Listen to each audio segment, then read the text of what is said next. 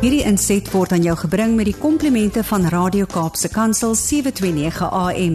Besoek ons gerus by www.cape pulpit.co.za.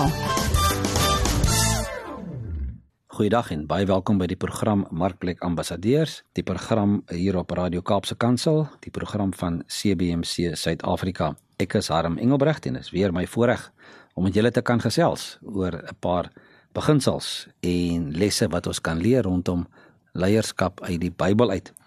En ons trek al by ons 53ste program, kan jy glo.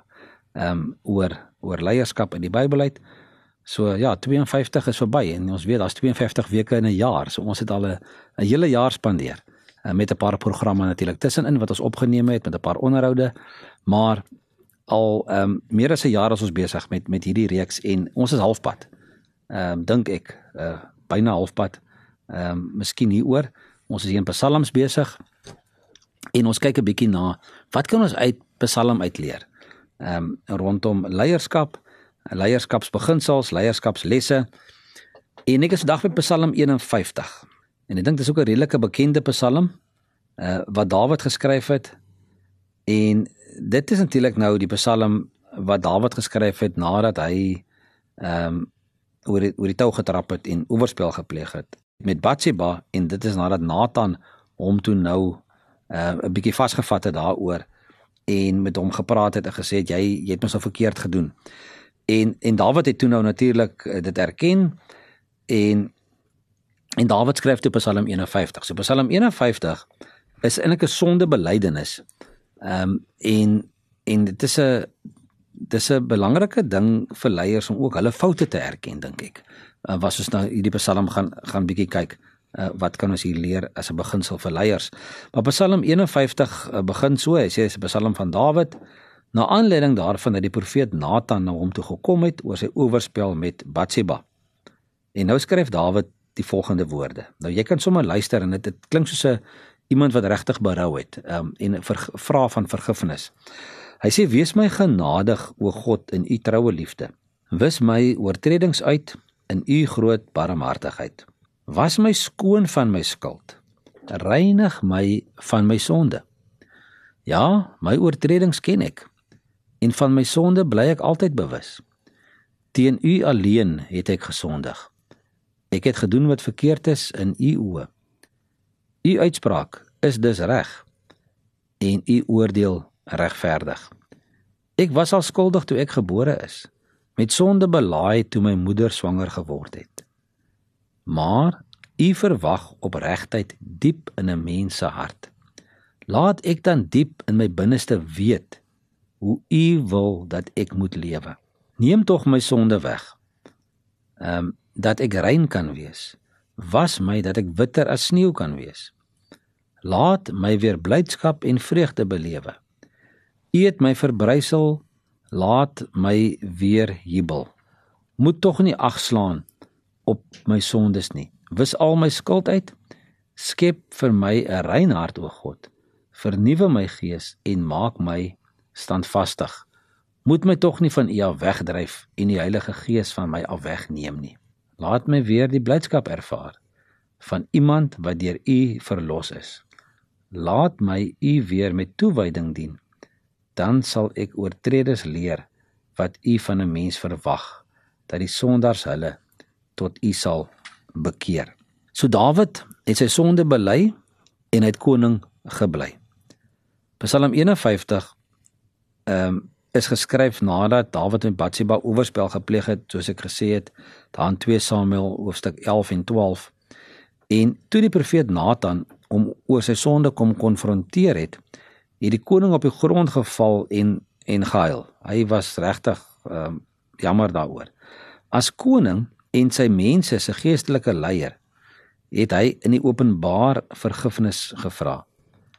Soos ons in hierdie Psalm kan lees. Danksy Dawid se opregte berou het God hom toegelaat om sy lewe lank koning te bly en aan te hou regeer. Maar waarom is dit dan so dat party leiers van hulle amp onthef word na so 'n morele oortreding. En waarom kon Dawid aanbly? Die verskil is waarskynlik in die beginsel van standvastigheid of vaste grond weet waar jou fondasie is. Dawid het hierdie beginsel uitgeleef. Sy vertroue in God het vas bly staan.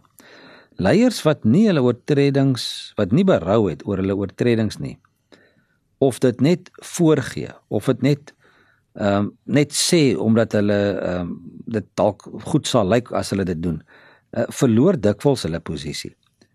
Daar's verseker sondes wat 'n mens onbevoeg maak om verdere leiersposisie te beklee.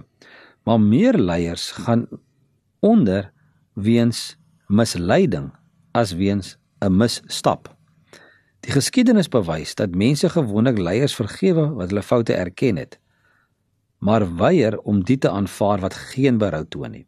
Jou foute uh, hoef jou nie te vernietig nie. Ons almal maak foute, maar leiers uh, wat hulle mense mislei en so hulle vertroue verloor, verloor uiteindelik ook hulle volgelinge. So indien daar goed is in 'n in in in in in jou lewe ehm um, wat dalk nie uh belei is nie, ehm um, wat jy probeer ehm um, nog wegsteek en of dalk wat mense dalk van weet, maar jy dit nog nie uh, belei en voor die Here gebring nie. Ehm um, doen dit en en gaan gaan sit voor die Here en en en belei hom belei voor hom ook ook jou um, tekortkominge en maak ook reg uh, wat waar jy gefouteer het. Wat ons lees van Dawid is hy het nie weer dieselfde fout gemaak nie. Hy het 'n fout gemaak en en en dit is verby en die Here het hom vergewe en hy het nie weer in dieselfde in dieselfde struik getrap nie. Ehm um, ek wil aanskuif na Psalm 57 waar dit ook verder gaan oor waardes en is ook 'n Psalm van Dawid waar hy gevlug het weer vir Saul in die grot. En hierso roep hy die Here om hulp en hy sê wees my genadig o God, wees my genadig. Want by U soek ek skuilings. Onder U vleuels sal ek skuil tot die bedreiging verby is. Ek roep na God, die Allerhoogste, na God wat my sal help. Hy sal uit die hemel antwoord en my red. Hy sal die wat my jaag, die stryd laat verloor. God sal antwoord in sy liefde en trou. Ek is hier tussen leeu's, tussen mense wat my wil verskeer. Hulle tande is spiese en pile, hulle tonge is skerp swaarde. Toon u grootheid o God, hoog bo die hemel. U mag hoog bo die aarde. Hulle het 'n stryk vir my voete gespan. Hulle wil my breek. Hulle het 'n gat vir my gegrawe, maar self daarin geval. Ek voel weer veilig o God. Ek voel weer veilig. Ek wil 'n lied sing, ja, ek wil sing, ek wil vroeg opstaan. Met harp en lier wil ek die rooi dag wakker maak. Onder die volke wil ek U loof, Here. Onder die nasies U lof besing, want U liefde reik tot in die hemel. U trou tot in die wolke.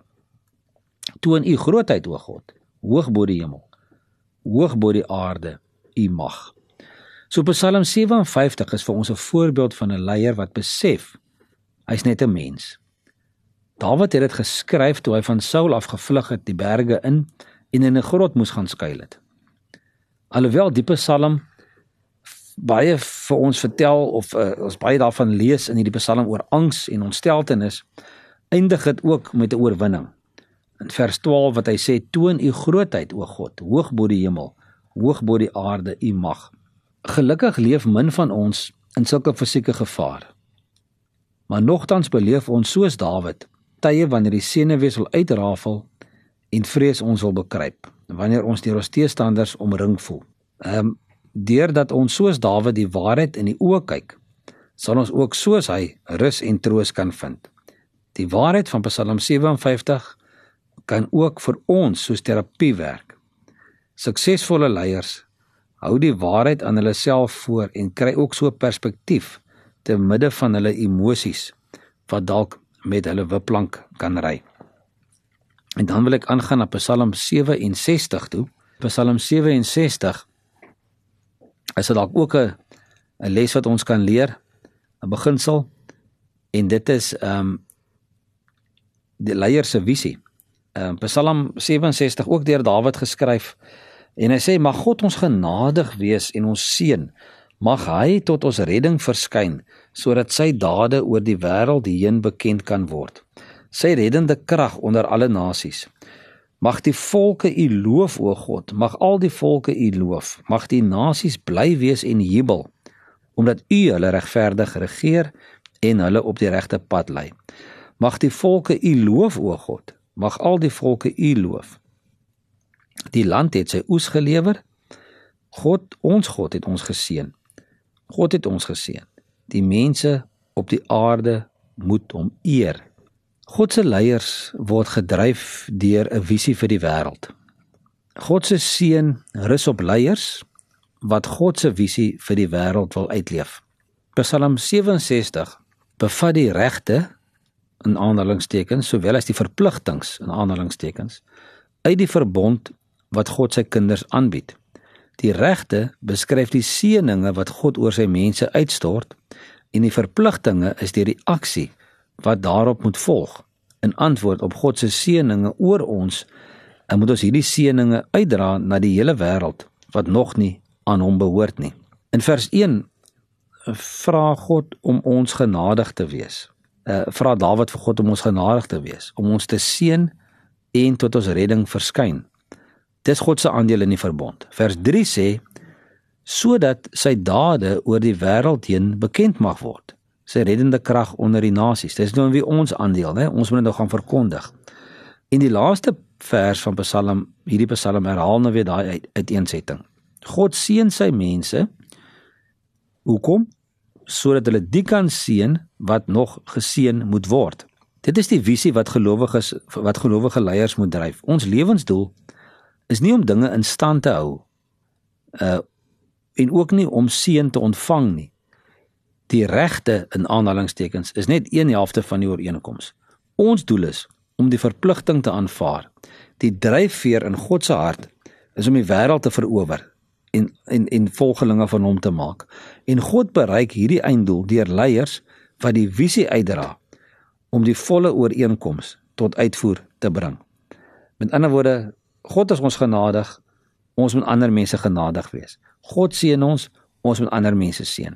God gee vir jou, soos ons in die eh, vroeër gepraat het in ehm in die vorige program, eh, eh, jou tyd, jou talente, jou gawes, wat doen jy daarmee? Jy moet dit aanwend, aanwend sodat ander mense ook daardeur kan voordeel trek of tot voordeel van van ander mense en ook van jou die volgelinge van die mense oor wie die Here jou jou aangestel het. Ek wil hierdie ehm um, program afsluit met Psalm 73 en ehm um, Psalm 73 is nou weer, hy's nie geskryf deur deur deur deur Dawid nie.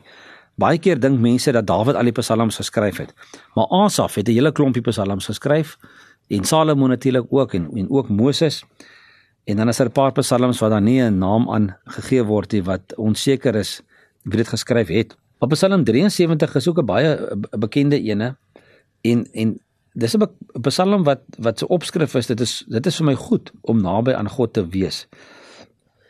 En dit sluit aan by die visie van die vorige ene. Uh van die vorige Psalm waarna ons gekyk het. En en hierdie Psalm uh, sê God is vir Israel baie goed, vir die wat rein van hart is. Tog het ek daaraan begin twyfel, ek het koers verloor want ek het die hoog hooghartige goddeloses met afguns beheen ek hulle voorspoed sien. Nou ons het hulle 'n paar keer in Psalm dit raak gesien dat, dat daar vir ons gesê word, vergeet van die ander mense, vergeet van die goddeloses wat lyk asof hulle oënskynlik met hulle goed gaan. Bly jy by die Here, vertrou op hom en doen wat goed is. En Psalm 73 sê weer vir ons die verskil tussen volgelinge en leiers is hulle visie. Visie is elke leier se vriend, want dit help 'n mens om perspektief te behou en op koers te bly. Nadat Asaf die uiteinde van die goddeloses ingesien het, was hy in staat om die teenslae te verduur. Sodat hoop sonder hoop vir die toekoms is jy kragteloos in die hede. So as jy nie hoop het op die toekoms nie en jy nie die visie het um, en weet dat God die redder is nie, kan jy geen hoop hê wanneer dit nou nou sleg gaan nie. En dit jy eintlik maar sonder krag in die huidige omstandighede. Vers 13 van Psalm ehm um, 73 sê dat ek die kwaad vermy het en met 'n eed my onskuld verklaar het.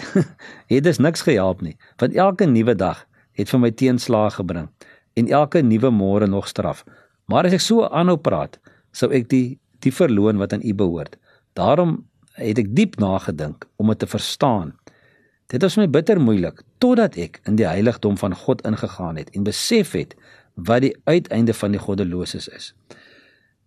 U laat hulle op gladde plekke loop. U laat hulle ondergaan deur hulle eie geknoei. In 'n oogwink word hulle iets afgryseliks, gaan hulle te gronde. En dan ehm um, op die einde sê hy vers 26 vers 26 al is ek afgetakel na liggaam en gees God is my sterkte aan hom behoort ek vir altyd die wat ver van u af is gaan verlore. U vernietig die wat ontrou is. Maar wat my aangaan dit is vir my goed om naby aan God te wees. Ek het die Here my God gekies as my toevlug. Ek sal van u werke bly vertel. So kom ons doen dit. Kom ons sê ook vandag wat wat my aangaan Dit is vir my goed om naby God te wees. En ek het die Here my God gekies as my toevlug. Ek sal van sy werke bly vertel. En daarmee wil ek vandag se sessie afsluit en volgende week met julle verder gesels oor die leierskapslesse en beginsels wat ons leer uit die Bybel uit. As jy met ons wil kontak maak, eh, kyk gerus na ons webwerf www.cbmc.co.za of stuur sommer vir my 'n e-pos as jy bietjie wil gesels oor die program, as jy opmerkings het om te maak of belangstel om ook ons bediening ehm um, aan te sluit by, stuur vir my e-pos na admin@cbmc.co.za. En daarmee groet ek julle tot volgende keer. Totsiens. Hierdie inset was aan jou gebring met die komplimente van Radio Kaapse Kansel 729 AM. Besoek ons gerus by www.cape pulpit.co.za.